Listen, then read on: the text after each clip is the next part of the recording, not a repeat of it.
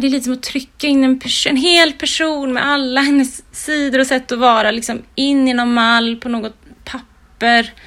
Så jag försökte liksom stålsätta mig lite grann och har väl känt att jag liksom paketerade ihop det där också ganska kvickt efteråt på något sätt till att inte... Eh, för jag hade väl kunnat tycka att det hade varit härligt att gå och lägga lika mycket tid på att prata med hennes EQ till exempel. Hon har fantastiskt liksom känsloregister och sådana kvaliteter. Alltså man, man lägger så mycket tid liksom, och mentalt fokus på en sån här process.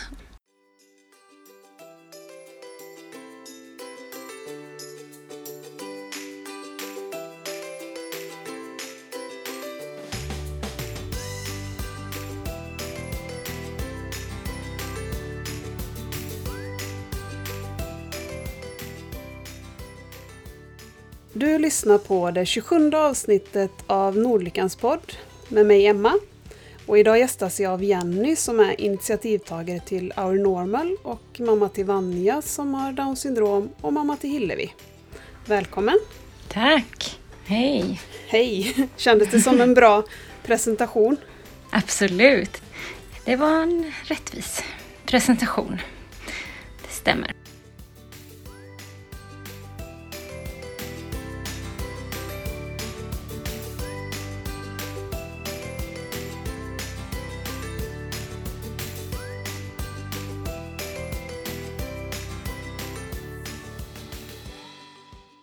Och jag kommer inte riktigt ihåg när vi hade kontakt första gången du och jag, men jag vet ju att vi träffades i samband med Musikhjälpen för två år sedan. Mm. Gud vad fort tiden går, tänker jag. Ja. Nej, jag tänker, det känns inte som att det var så länge sedan, men det var det ju faktiskt. Och det kanske var inför det som vi hade lite mer kontakt, men jag hade ju koll på ditt Instagramkonto redan innan dess, en bra bit innan dess. Vi hade säkert hörts lite på sociala medier tror jag i mm. samband med det. För det var ju... Ja, jag såg tidigt hur fina bilder du tar. Ja, jag så... brukar få mycket pepp ifrån dig. Det är tacksamt. ja, men jag tycker att du är fantastisk på att fånga vardagen på ett väldigt, liksom, det är väldigt, eh, för det första väldigt fina bilder, väldigt kvalitativa och väldigt, eh, liksom känns verklighetsnära. Och men fånga vardagen men också på ett väldigt respektfullt sätt för de som är på bilderna.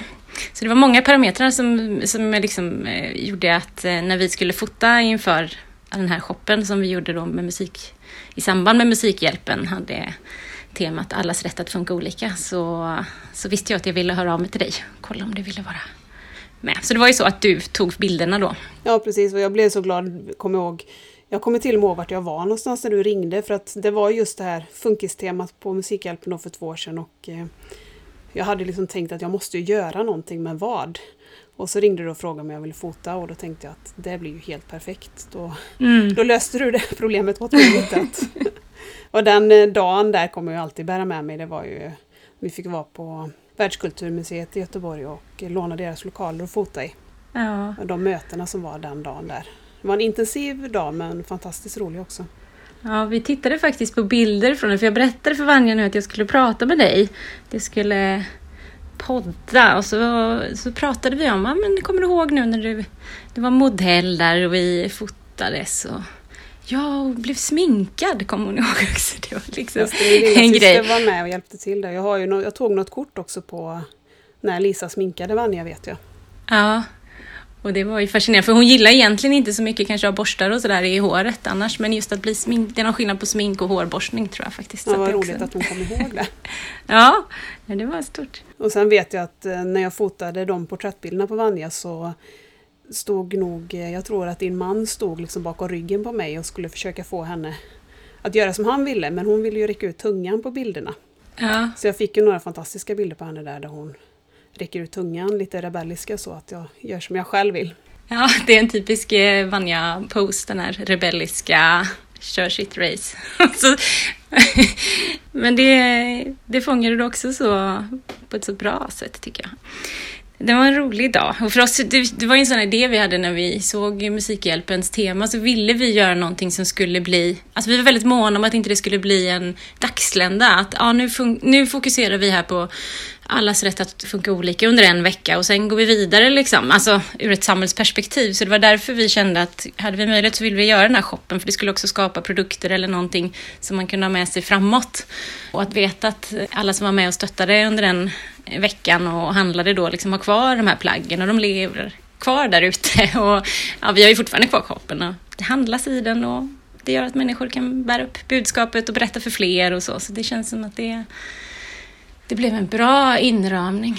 Vi har ju hela familjen kläder därifrån och vi använder ju dem varje vecka, de här kläderna. Ja, det är bra. Ja, de är levande här hos oss också. Det är väldigt sköna, med tightsen går vi också i här nu. Särskilt man är mycket, mycket hemmajobb nu också. Så. Ja. Eh, sen hade jag Normal också en, eh, vad kallar ni det för? Familjedag. Mm. I vilken av parkerna var det i Göteborg? Jag har lite dålig koll. I Trädgårdsföreningen. Trädgårdsföreningen. Och där var ju vi också. Det måste varit... Var det samma år? Var det 2018 också? Mm, då sågs vi innan där. Det stämmer nog. Mm. För det var på sommaren innan.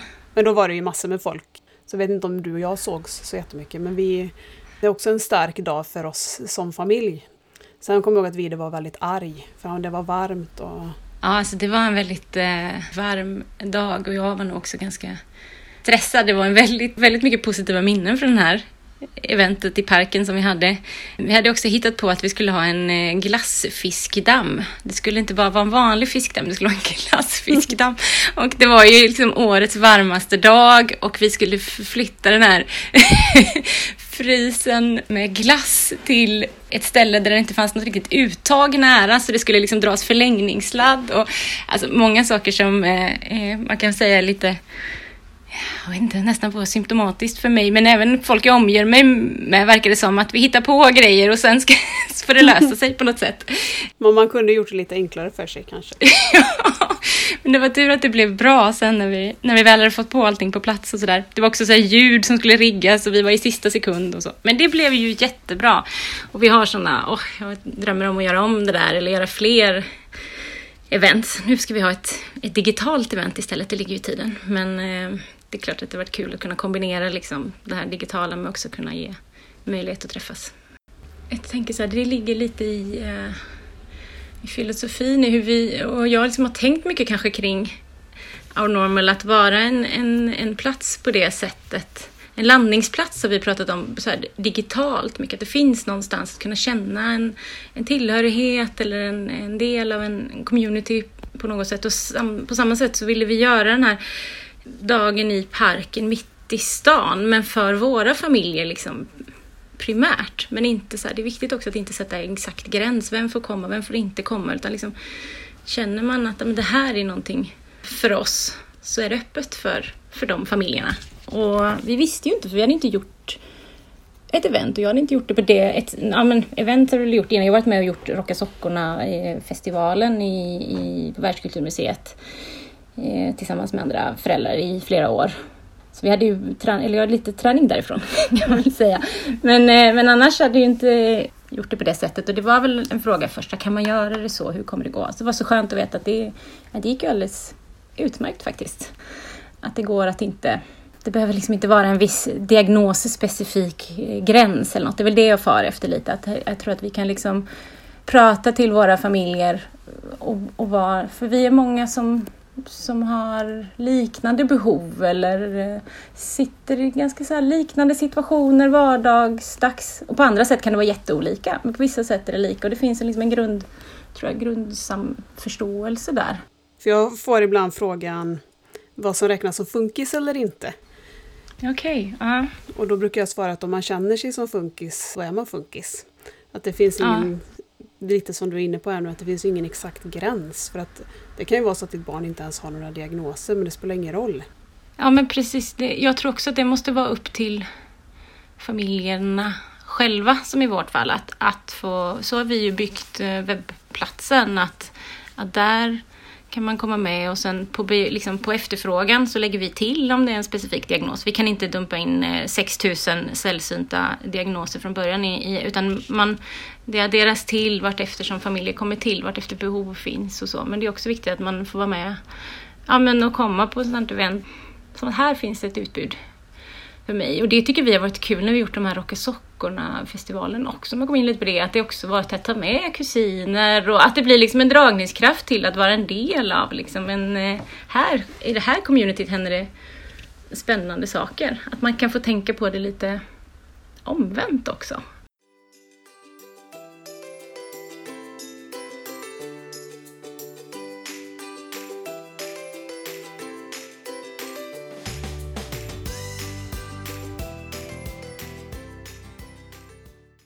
Jag tror så här, jag tror att det behövs både och. Jag tänker att vi behöver de här dagarna som sätter fokus på, på särskilda diagnoser för att skapa liksom kännedom kring det och också ja, men ofta i lite mer forskningssyfte eller så, så behöver man ju komma liksom smalare och smalare på något sätt för att kunna skapa kunskap. Så därför så tror jag att det kan vara bra, även ur lobbyingsammanhang då man tänker mer diagnosspecifika föreningar, att det behövs.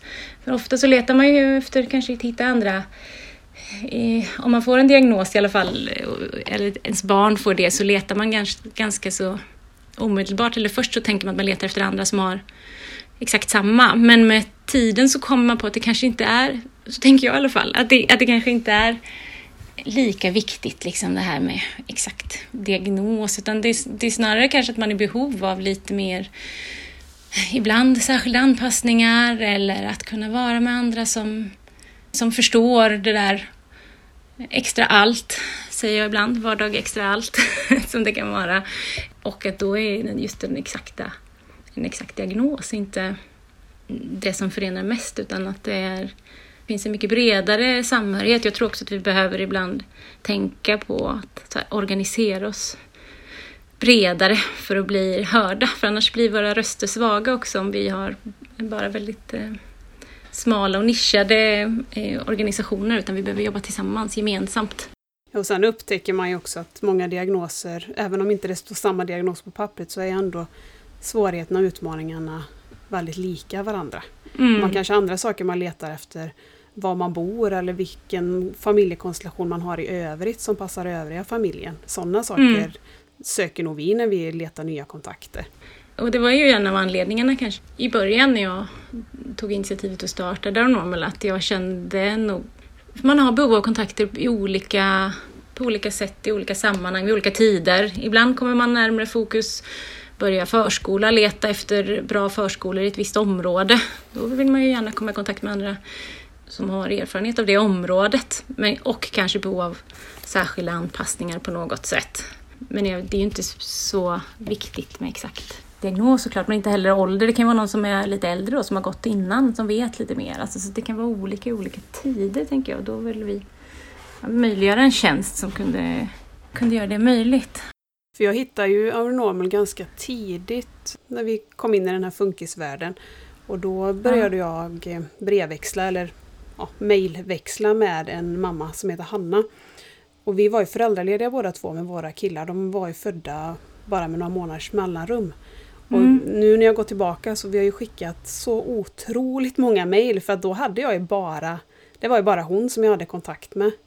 Ja. Som hade en liknande situation. För jag var ju föräldraledig och träffade ja, men föräldrar till barn med typiska barn på öppna förskolan och sådär men aldrig några funkisbarn. Nej. Så det var ju en otroligt eh, viktig kontakt för mig då. Jag hade någon att skriva till. Vi skrev ja. långa mejl och henne hittade jag just inne på Our Normal. För då tror jag att jag sökte på, på födelseår och det var just att de hade ju inte samma diagnos men var ju födda nästan samtidigt. Ja, vad fint att höra. Ja, mm. det, blir, men det är ju det är ju precis så. Det kan ju vara att vi kanske kan känna oss många om vi tittar liksom över hela landet. Och det är väl förhoppning att vi ska kunna skapa den känslan också med en sån här digital landningsplats, eller vad man ska säga, mötesplats. Men, men när man bor, alltså man bryter ner till sin ort och där man bor, och som du säger, sannolikheten att man träffar någon i sin en föräldraledig grupp är ju inte särskilt stor. Så vi behöver kunna möjliggöra så att man kan komma i kontakt över, över gränser liksom på olika sätt. Ja, där har ju vi skapat ett alternativ och, och där möjliggör vi också så man kan hitta till eh, varandra för de som har lite mer öppna konton eller så. Sen är ju sociala medier har ju kommit mer och mer, tänker jag, för varje år och också gjort, jag tänker att det har gjort enormt mycket för, eh, för oss familjer. Jag kan bara föreställa mig, eller jag kan knappt föreställa mig hur det måste ha varit för, för de familjerna för ja, 10-20 år sedan. Hur ensamt det kanske kändes innan man hittade till några andra. Sen har det funnits föreningar som varit starka och som har erbjudit läger och sådär genom åren. Men, eh, men just att man ganska så snabbt kan komma i kontakt med någon annan tänker jag är helt avgörande. Sen så tänker jag, det är så här, jag vet inte vad du tänker kring det som är så aktiv i sociala medier. Normal har ju en plattform där vi fokuserar familjen. Vi pratar om familjen. Sen kan familjer se jätteolika ut såklart. Men det är lite för att synliggöra liksom, så det inte blir fokus kanske bara på, på ett barn med en diagnos. Ofta finns det syskon kanske eller eh, det är föräldrar i ja, olika konstellationer och så. Men också var det att jag ganska tidigt tänkte att pappa pappor inte syns och hörs alls i samma utsträckning. Och där fanns en ambition att sätta lite mer ljus och lite mer balans, men jag tyckte att det var ett ganska så utmanande faktiskt. För det finns en del pappor som, som väljer att vara lite mer öppna och så, men liksom inte alls lika lika många. Jag tycker det är väldigt många mammor på sociala medier som är aktiva och eh, jag vet inte om du har några tankar kring det? Du har märkt någonting? Jag tror väl tyvärr att det är lite jämställdhetsfråga på ett sätt, att det är mammorna som drar i trådarna. Har kontakter med myndigheter och läser böcker och så är det ju inte i alla familjer, men många familjer. Mm. Då är det kanske också naturligt att det är mammorna som letar upp varandra för att man undrar, ofta undrar man ju saker. Man ställer frågor i mm. forum och letar tips på hjälpmedel eller utbildningar eller vad det kan vara ja, det blir en förlängning av liksom jämställdhets... Ja, jag tänker delvis i alla fall att det kan vara... Ja, säkert. Och när du säger det så, jag råd med mig i, råd med mig, men för, för en eh, dryg vecka sedan var det kanske, jag satt och mappade upp lite sådär alla kontakter vi har då kring med myndigheter och med habilitering och, och sjukkontakt, eller sjukhuskontakter och övriga. Just för att vi har mm, fått lite möjlighet att påverka, eller bli intervjuad egentligen kring för ett utvecklingsarbete i, inom regionen. Så jag ville visa, här Västra Götalandsregionen, ska jag säga, ville visa lite på, på vardagen hur den är och ser ut och mappade upp då alla kontakter vi har men också alla olika kontaktsätt som används för dessa olika kontakter. Mm. Alltså ibland är det på brev och ibland är det på sms och ibland är det på mail och ibland är det på telefon. Det finns så många olika vägar också, som man, kontaktsätt man använder. Och sen när jag liksom satte vi då oss familjen i mitten och delade det på två också. Man dessutom tänker att vi ska vara, både jag och John och min man som ska dela på det. Det blev liksom en ytterligare dimension. Det gör det väldigt utmanande faktiskt att försöka hålla ihop väldigt många kontakter på väldigt många kontaktsätt. Om man ska dela det på två personer också. Måste ju nästan dela upp vem som tar vad i, ja, i sådana fall. Ja, man ändå ha koll på vad den ena professionen har sagt när man pratar med nästa ja. profession.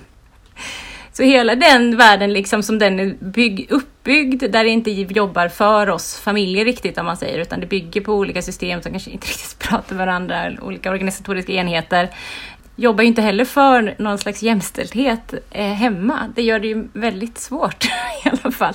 Så mm. jag, det, blev så, det har inte jag tänkt på kanske utifrån den dimensionen innan förrän jag såg det där på, egna papper när jag ritade upp allt och tänkte det här är det är nästan på en omöjlighet att försöka dela på det här om man inte får, liksom, man behöver ha en samlad struktur på ett helt annat sätt. för Det, ja, det kanske blir en av föräldrarna som blir lite mer samordnare och så det, kanske eventuellt att delegerar arbetsuppgifter. Men ändå har ja. övergripande, lite så ja. tror jag. Och det blir ofta mammor kanske. Mm. Ja, i alla fall i vår familj är det definitivt så. Det är inte helt enkelt det där. Men det kan jag väl berätta, det är en ambition i alla fall det vi, som vi har kring eh, Our Normal också. Och det har ju alla ni som följer oss i sociala medier eller som vet nu vi jobbar vi med ett barnkulturhus, Alfons Åbergs barnkulturhus. Men att också kunna vara då till fler en, eh, en påverkansfaktor på ett sätt. Att kunna, genom att kunna samla våra familjers röster så kan vi också hjälpa verksamheter att uh, utvecklas. För det är någonting som jag har stött på. Jag vet inte, du kanske också får den frågan lite att det är inte så att upplever jag att verksamheter absolut inte vill. Det senaste hörde av sig till oss var Kulturskolan här i Göteborg till exempel. Ofta så finns det en vilja men jag tänker att det är, de vet inte hur de ska liksom komma igång och inte hur de kommer i kontakt med våra familjer. Oftast är det nog och... det som är svårt. Hur når man ut och träffa ja. på rätt? För det är som vi har ju startat en gympa genom FUB. Och Just det finns det. ju säkert mm. väldigt många barn i Borås som hade passat in i målgruppen men hur, hur hittar vi de barnen? Det är ju svårt. Utan det blir ja. ju med tiden att det når ut men det är inte så självklart från start. Nej, och där finns det en brygga som behövs tror jag, liksom, eh, som vi får jobba gemensamt för och, och täcka in. För jag tror att idag, liksom medielandskapet är så mycket mer splittrat idag också och alla organisationer jobbar ju med begränsade resurser eller personer. Vi individer som jobbar liksom på, med sånt här på, på eh, fritid och extratid och, och kvällar och allting. Alltså någonstans så har man ju inte de här breda resurserna att nå ut lite grann. Jag har fått frågan när vi har varit på det finns ett, eh, det heter Knacka på på Stadsbiblioteket i Borås som är en barnavdelning utifrån den här barnboken Knacka på. Det är inrätt mm. som det. Ja, och då har de, mm. de har sångstunder och de har lite teater och liknande. Och där har jag mm. varit med Vide några gånger. Och då har ju då personalen uppmärksammat då att vi tecknar med Vide. Och varit väldigt nyfikna och ställt frågor kring detta och sagt att, frågat mig då om jag tror att det finns ett behov av aktiviteter, kanske teckentolkat eller med tecken som stöd eller bilder och sådär.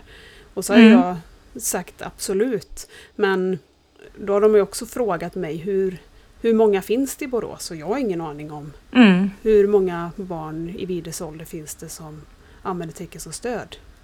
Men det är här jag tror att vi, vi måste se hur vi kan vända på det perspektivet lite. Att som vi vet ju att tecken som stöd är bra för alla.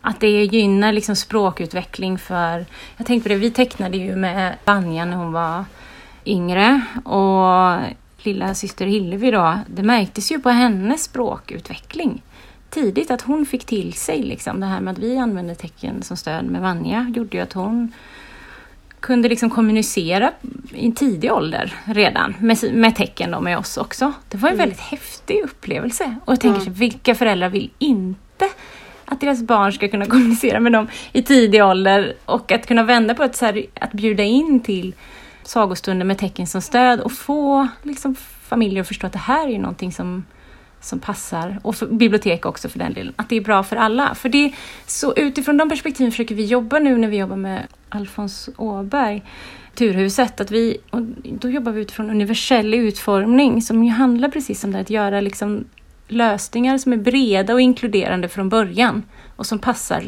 många. Sen ibland måste man ändå ha tänka till kring särskilda anpassningar. Kanske det, det, det kanske man aldrig kommer ifrån helt och hållet, men att man i största möjliga mån försöker tänka liksom eh, innovation, utveckling, nya idéer. Om det är programverksamhet på ett bibliotek, att tänka nu ska vi ha en sagostund. Okej, hur gör vi den så att den är, funkar för liksom, så många som möjligt, alla olika typer av behov. Istället mm. för att börja i, i ändan att okej, okay, ska vi lägga till någonting, ett, en extra träff?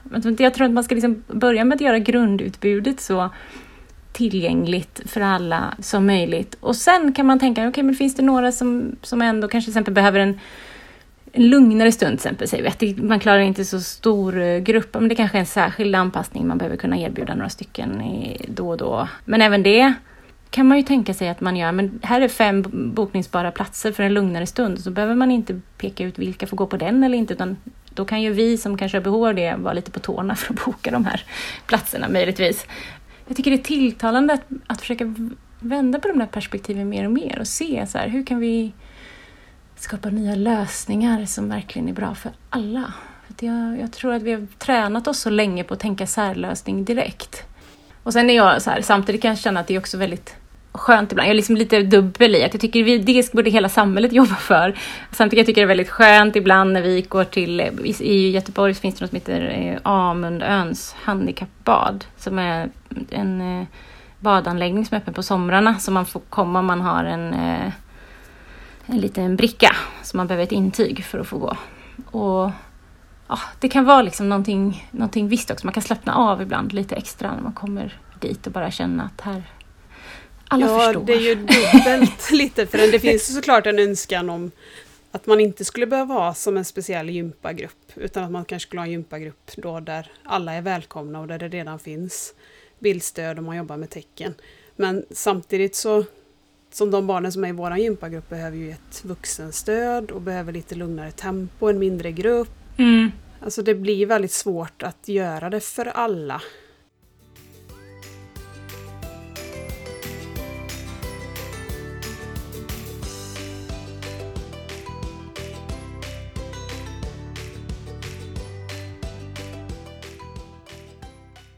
För det är ju lite om man kommer in på det här med skola också, hur man ska välja där.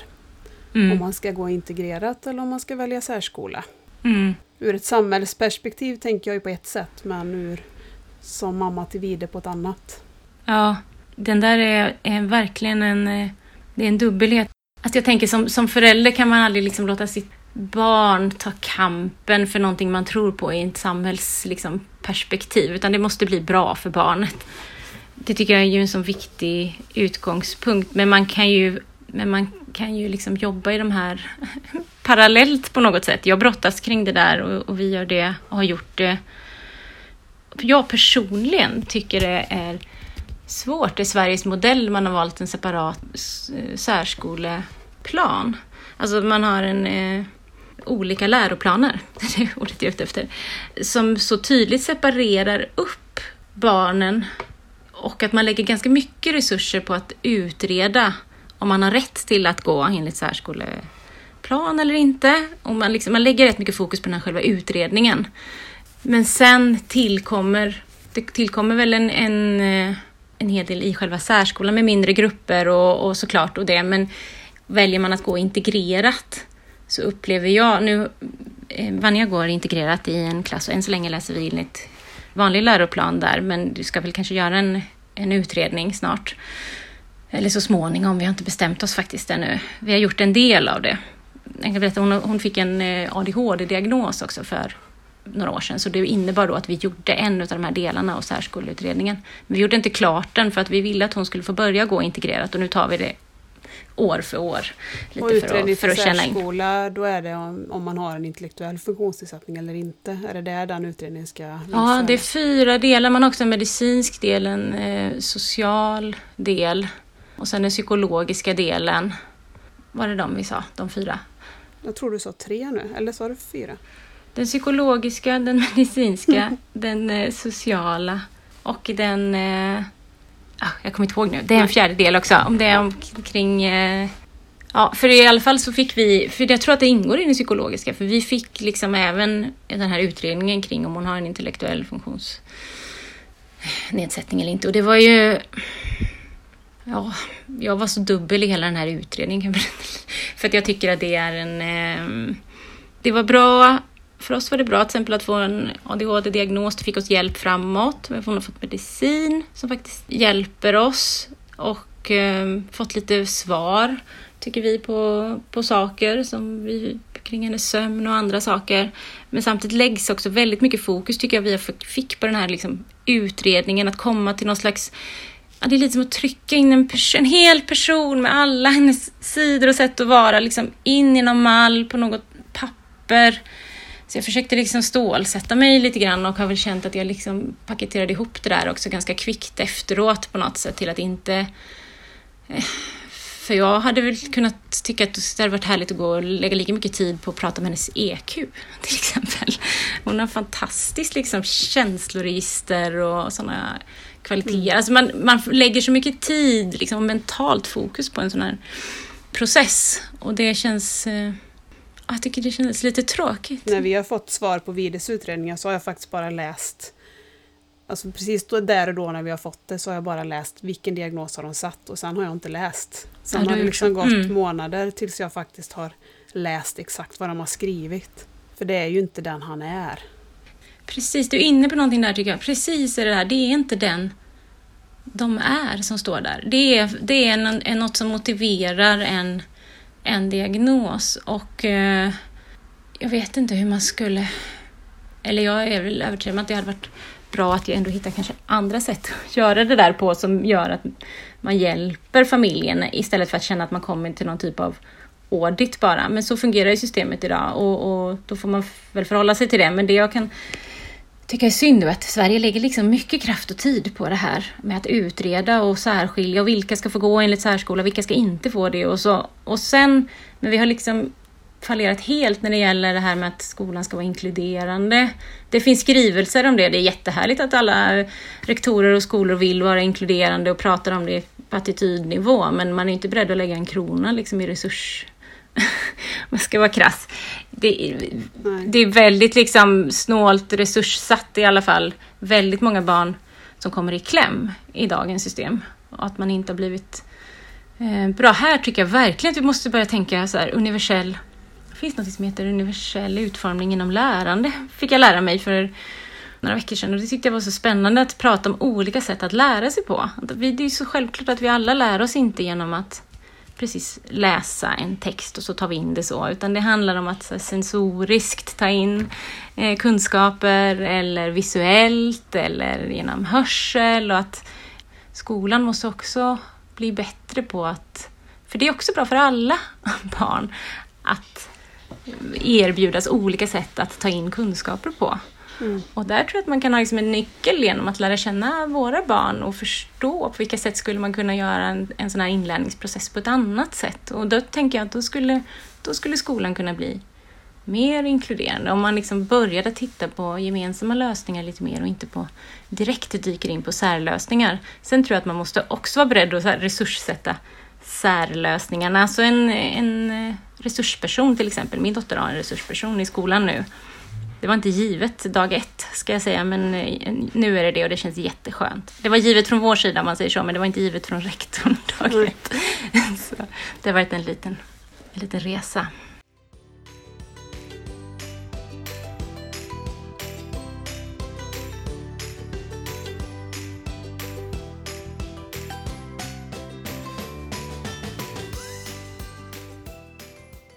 Jag tycker också att det är en väldigt stor skillnad. Antingen är det 25 barn i samma klassrum, nästan inte en möjlighet till uppdelning. Eller så är det liksom en liten grupp med sex barn och kanske en till en pedagoger. Däremellan finns det inte så många alternativ. Inte ens i en så stor stad som, som Göteborg tycker jag. Det, det finns lite sådana här särskilda undervisningsgrupper heter det och så, men det det har inte varit jättelätt att navigera heller och ta reda på vad som finns och, och hur det erbjuds. Så här är ju föräldranätverk så här, A och O. Och då tänker jag det är ju viktigt att, eh, att man hjälper alla att få familjenätverk och kunna fråga sig fram och så för att eh, där har ju inte vi alla samma resurser heller idag att söka oss till, till nätverk och till information utan allra bäst är kanske de som jobbar inom skolans värld eller på något sätt vet själva vad man kan leta upp och sen sprider det sig liksom man frågar några och så får man reda på någon information från någon. Och, ja, för mig har det varit jättevärdefullt att prata med en, eh, en mamma som har en eh, dotter med down syndrom som är 14 år, alltså ganska mycket äldre än vår tjej. Men lite så här, hur har ni tänkt och vad, ja, fått lite tips och sådär. Eh, vi har ju kompisar nu där barnen är ett år äldre än Vide det är väldigt tacksamt för oss för de banar iväg lite här med de här alla mötena som ska göras och frågan om man ska vara kvar på förskolan ett år till eller om man ska gå uh. särskolan ettan två år eller man ska gå förskoleklass och sen särskola. Så finns ju massa olika sådana här alternativ. Ja, det är den här fantastiska lösningen att de inte har någon förskoleklass ja, för eh, särskolan. Det här är helt otroligt hur man har tänkt. För att, det är obligatoriskt men inte... Ja, det borde man göra ett direkt upprop gentemot, men jag tänker att det måste vara under bearbetning för det är ju jätteknasigt att man lämnas i sånt virvar i detta. Det är ju också det att man ska hålla i längden. Så, har jag, så tänker vi lite i alla fall i, i det här med Ja, men vi fick ju ta en fight för att ha en resurs på skolan till exempel och man behöver, man behöver ta sina fighter. Det var någonting som en eh, hon sa till oss på BB redan, jag kommer ihåg det så tydligt, att hon sa ni kommer, ni kommer behöva kämpa. Och så tänkte jag så här, ja men herregud, jag är så glad att vi lever i, i Sverige och, och det här kommer vara...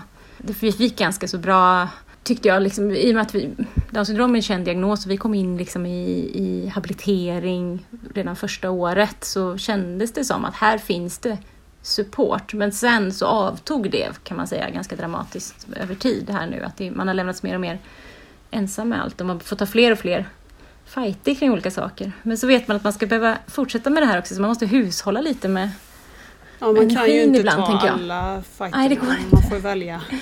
Och nu jobbar ju du också med, med det här med inkludering och då kanske man inte kan ta alla fighter med sitt privata jag också. Nej, man får, eh, man får tänka på det, jag tänker i alla fall, att man ska räcka i längd. Det är nästan tips till andra, någon lyssnar.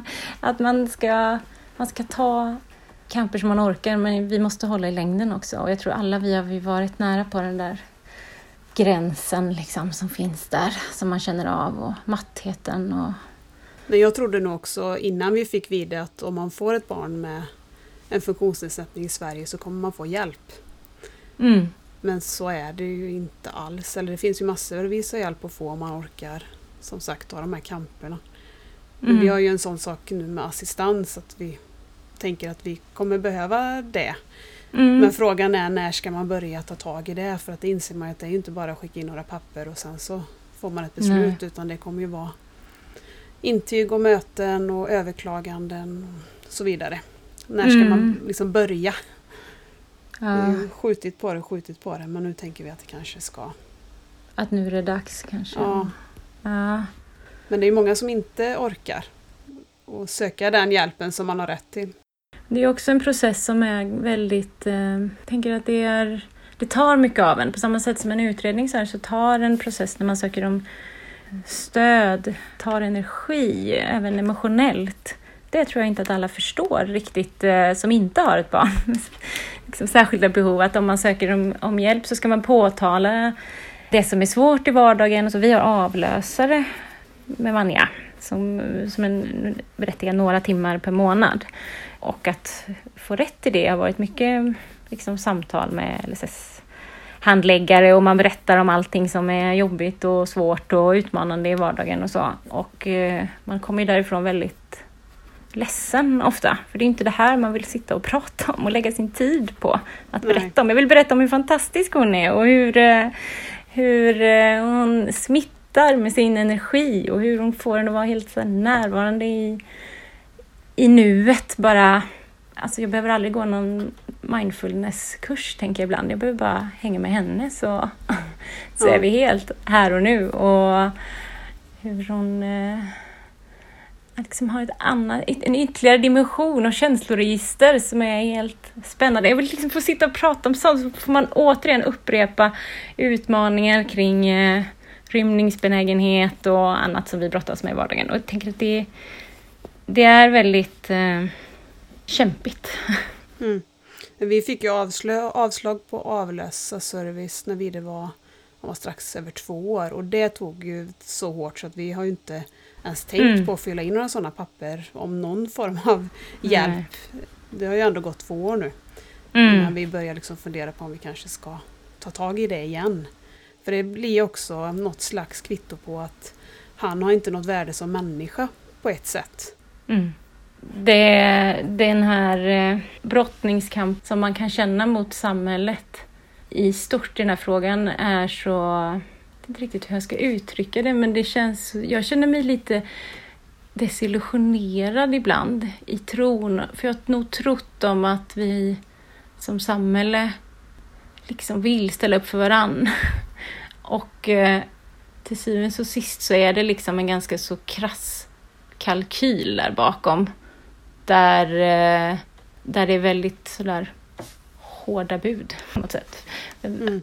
Och det blir till sist också lite godtyckligt för de här handläggarna som ska, eller det är inte godtyckligt, men de kan, det kanske upplevts så lite då att det liksom, de, de tolkas in, det tolkas olika på olika sätt av olika personer och olika för olika hjälp. Och, jag vet inte, jag vet, men man, jag tänker nu befinner vi oss i en väldigt svår tid igen, i, eller igen, men i corona, att den det ökar nu igen och, och det kanske kommer vi ur det här jag vet inte, men som samhälle så här lite ökad förståelse hos alla vad det betyder att faktiskt ställa upp för varandra. Jag vet inte, jag har någon slags förhoppning om det ändå, att vi ska kunna efter coronan ha blivit lite, som samhälle lite mer förstå vikten av att bry sig om varandra. Mm. Jag hoppas ju lite att bland annat det här med sociala medier, att, man, att olika föräldrar når varandra, att man delar varandras historier och hur man blivit bemött till exempel av myndighetspersoner. Att det ska göra mm. att det blir någon slags förändring. För att innan kanske man har suttit som ensamma öar och fått höra de här sakerna eller fått intyg där det har stått konstiga saker. Men nu så liksom kommer de här berättelserna ut på ett annat sätt. Ja, det, det, tror jag är jätteviktigt. Att nu kan vi nätverka med varandra och man kan visa och man kan påtala på ett annat sätt. Och det talar ju för också, jag tänker att den här modellen där det ser olika ut i olika regioner är ohållbar på det sättet. Att det är, de har ju olika regler i olika regioner idag men det, det ger en väldigt skev eh, bild det här att man ska få ett visst stöd i en region, ett annat, när det gäller hjälpmedel till exempel. Mm. blir det väldigt skevt. Jag tror att det är bra att, att familjer kan hitta till varandra och man kan hjälpas åt att påtala saker som man vet att andra får. Och så. Så sen tänker jag tänker mycket kring det här. Vi, eller som från Our kommunikation så tänker jag att vi försöker också skapa en gnutta liksom framtidstro eller hopp i den mån det är möjligt kring, kring saker. Och där tänker jag mycket för att det är, jag tror vi behöver ha, hjälp oss åt alla att både påvisa liksom och blotta allting som är fel och galet eller hur det går till i verkligheten. Och vi måste få vara arga, vi måste få vara ledsna. Men vi måste också för vår egen skull ibland våga tro på att det kan bli bättre, tänker jag. Att vi, för att annars så är jag rädd för att vi tappar energin liksom bitvis genom att man kan, man kan få energi från, från att man kan vara eh, arg och besviken. Men jag tror att man jag tänker också att vi måste också hjälpas åt att påtala liksom hur samhället skulle kunna vara. Eller hur, hur vi skulle kunna ha en, en, ett bättre stöd och hur det skulle kunna fungera. Och så, så tänker där har vi alla en liten, eh, ett jobb som kanske kvarstår i viss, viss del. Mm. För där tror jag att det fanns en rörelse sådär under LSS-lagstiftningen som jobbade väldigt kraftigt för det. För att få till den lagstiftning som vi har i Sverige idag. Men sen har vi ju tyvärr fått erfara mer och mer att man drar in på den och drar ner och så. Det känns som att vi, då får fightas vi mycket för att ha kvar någonting som har funnits. Men jag tror att vi skulle kunna få energi om vi liksom, vi menar jag som alla våra familjer och även, eh, eller egentligen alla, för den här frågan angår alla. Det är så att liksom att bli en del av, av eh, vårt community, eller vad man ska säga, att, att ha en funktionsvariation eller en funktionsnedsättning, det kan hända vem som helst imorgon. Liksom. Så det är någonting som angår alla, att vi borde kämpa för stärkta rättigheter. Och här funderar jag mycket, jag vill säga. Där går mina tankar. Det är väl som man, som man har en sån här känslo berg ena dagen så är man arg och besviken och nästa dag tänker man att det, det finns hopp, det går.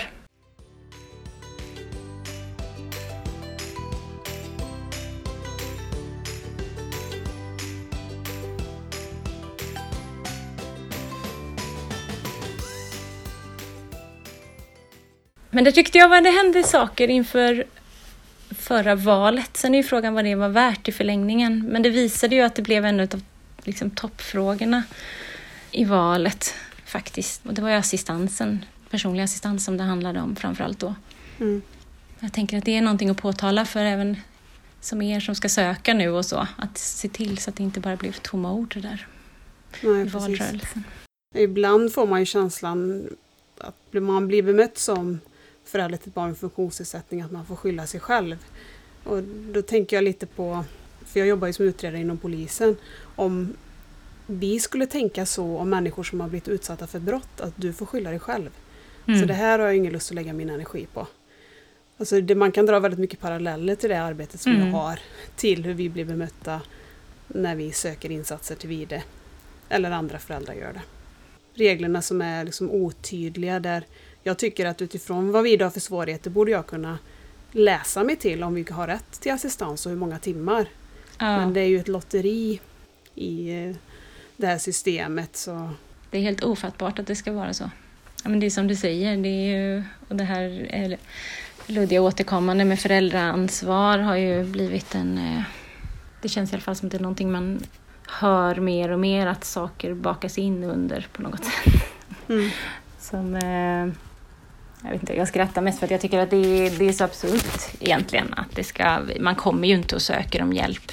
Det finns väl ett eh, fåtal där det här har uppdagats eller så, men det är ju, det kan vi inte utgå ifrån att människor kommer och fuskar som utgångspunkt, utan det är ju ingen, det är inte ett förstahandsval, skulle säga, att man, att man vill ha en avlösare eller en assistent hemma, utan det gör man ju för att man behöver ju precis det här supporten för att få vardagen att fungera och där måste vi ju möta familjerna när de söker i, i det. Att, att det är liksom, eller, vi, samhället måste möta familjerna i det behovet.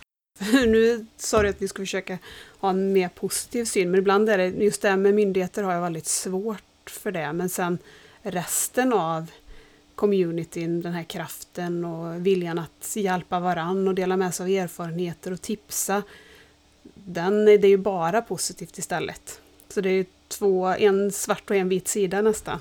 Ja, och sen tänker jag att det finns en kraft som vi kan få över att jag tror att det finns en bredare vilja idag också, alltså en acceptans och en vilja, nyfikenhet att lära sig mer. Alltså både från, jag tänker även från familjer eller eh, personer som, som inte har kanske någon erfarenhet av en funktionsvariation eller känner någon direkt. Men det finns en helt annan öppenhet och det har skett en typ av attitydförändring. Det tror jag. Vilket eh, ändå bäddar för, hoppas jag, att man kan liksom kanske som få med en större massa i att också påverka även eh, stöd ifrån mina... Alltså till sist handlar det ju om eh, politiker och att påverka politiker i det här. Och där är vi sån liten liksom numerär kanske. Men för den breda allmänheten att förstå att de, vad de här frågorna verkligen innebär så skulle man kunna få till förändring, tror jag.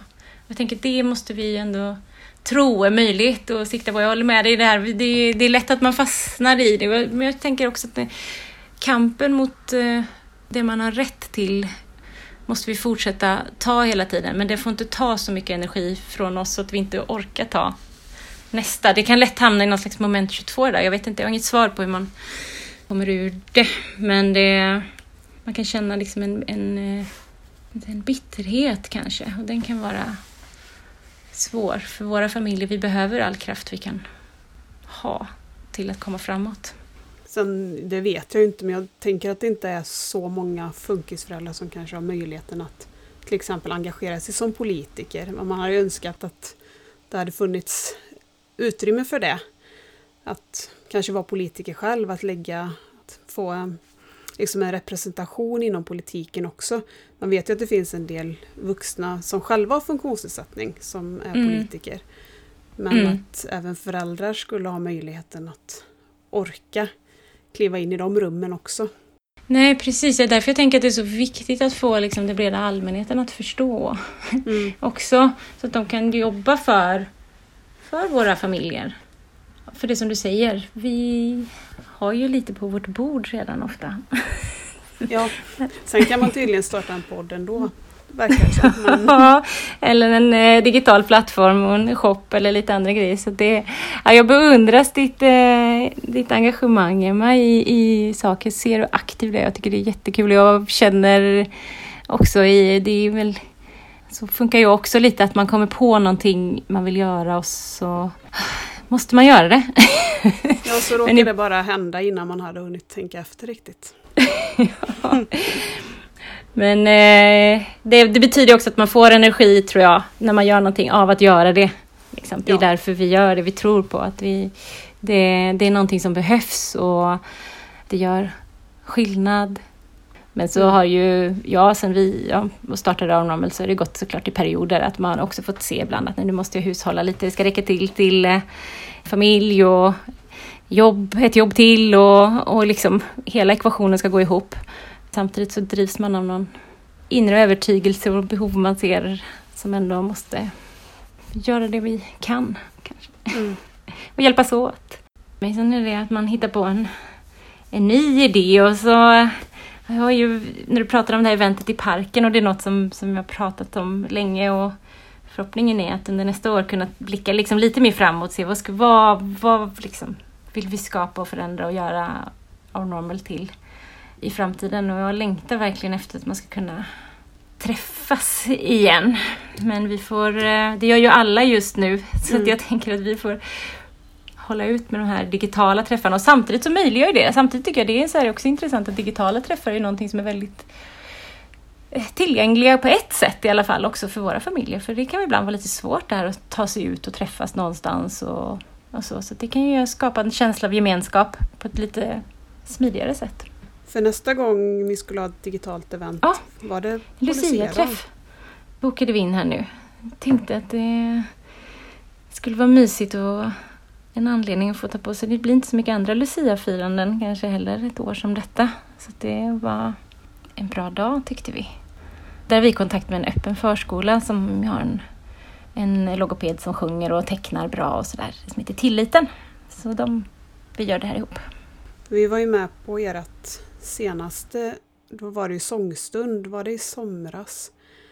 Fast vi visade oss inte i bild för vi glömde av det. Vi kom på det sista sekunden och var typ ingen av oss tror jag som hade några kläder på sig nästan.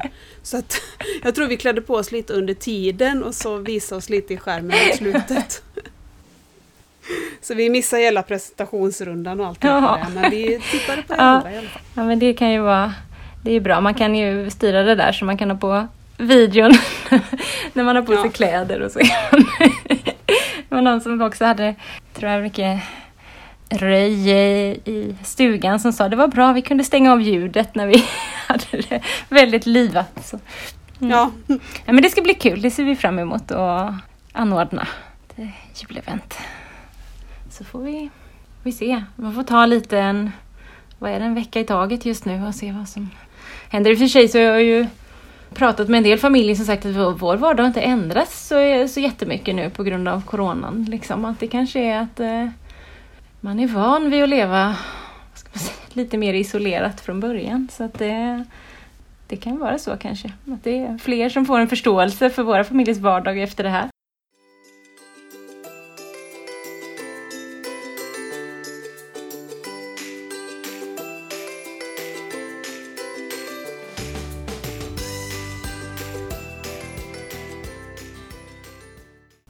Man har olika spår som går i tanken ofta kring det samhälle man vill se och eh, det kan vi ta vid något annat tillfälle.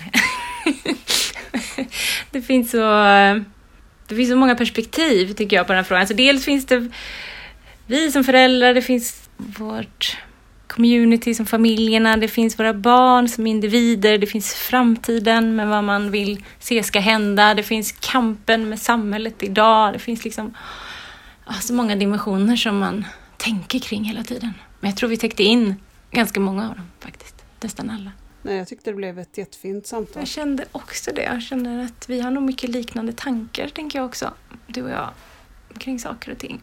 Det kändes det spontant som.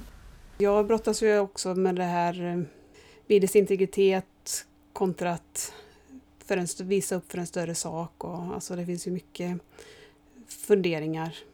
Jag tänker att är man så Liksom, är man lyhörd och inkännande och reflekterande kring det som förälder tidigt så har man det med sig, en medvetenhet, tänker jag, genom hela tiden. För vi vet ju att vi måste få synas och ta plats precis som alla familjer, tänker jag. Det ska vara helt naturligt. Och samtidigt måste man liksom känna in sitt barn på resan. Där befinner jag mig lite i att eh, dotter som, alltså allra helst, hon vill nästan på att starta en vlogg själv nu.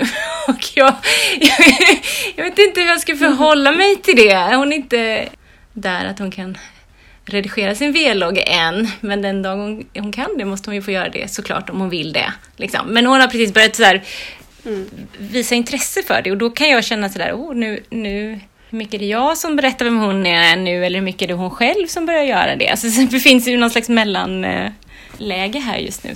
Ja, jag tror att jag kanske tänk, kommer tänka annorlunda beroende på vilken ålder vi är i också. Precis, det är så det kommer vara. Så det finns inget svart eller vitt eller rätt eller fel exakt i det här, utan det här är ju precis som integritetsfrågan i stort, liksom, en, eh, en stor fråga. Det första viktiga som, vi, och som jag tror, tänker, som du gör rätt i, det är ju när man reflekterar och vet varför man gör som man gör och Sen kanske ibland folk tänker när de lyssnar på podden eller följer oss på Instagram till exempel att vi visar allt.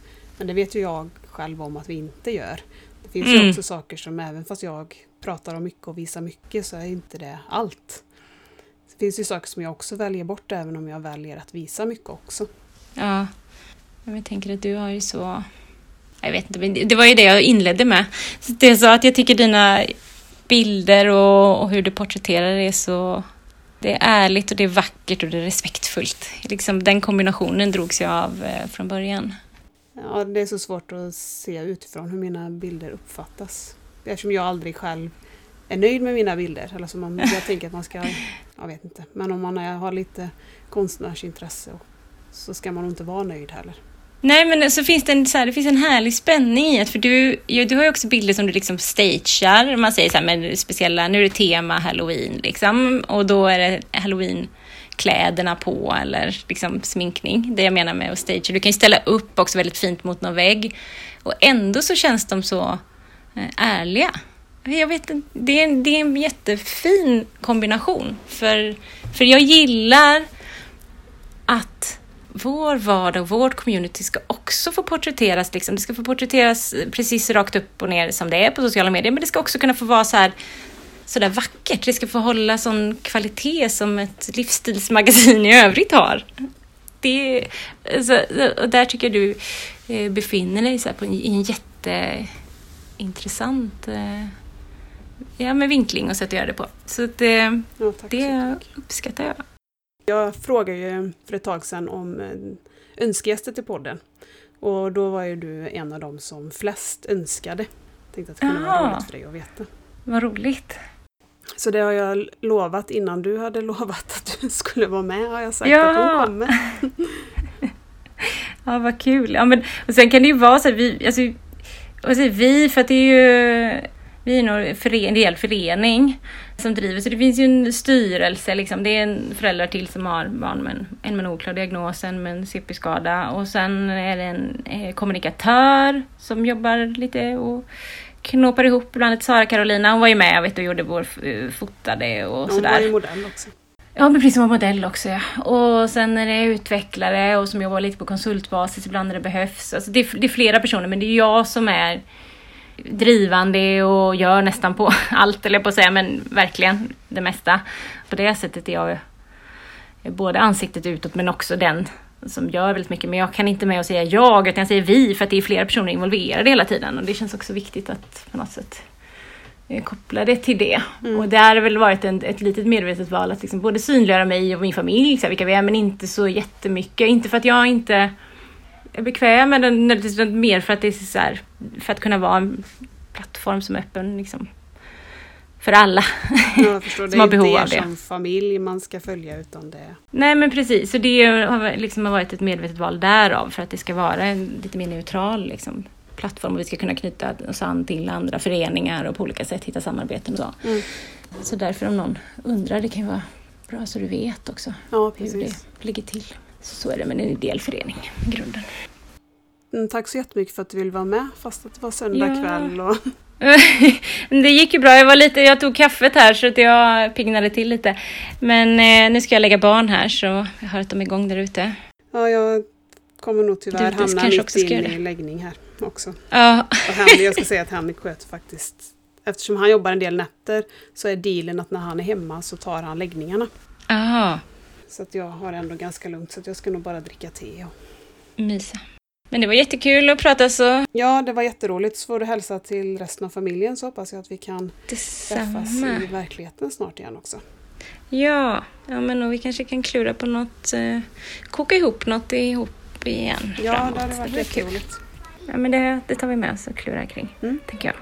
Så eh, tack så jättemycket Ja. för att jag fick vara med.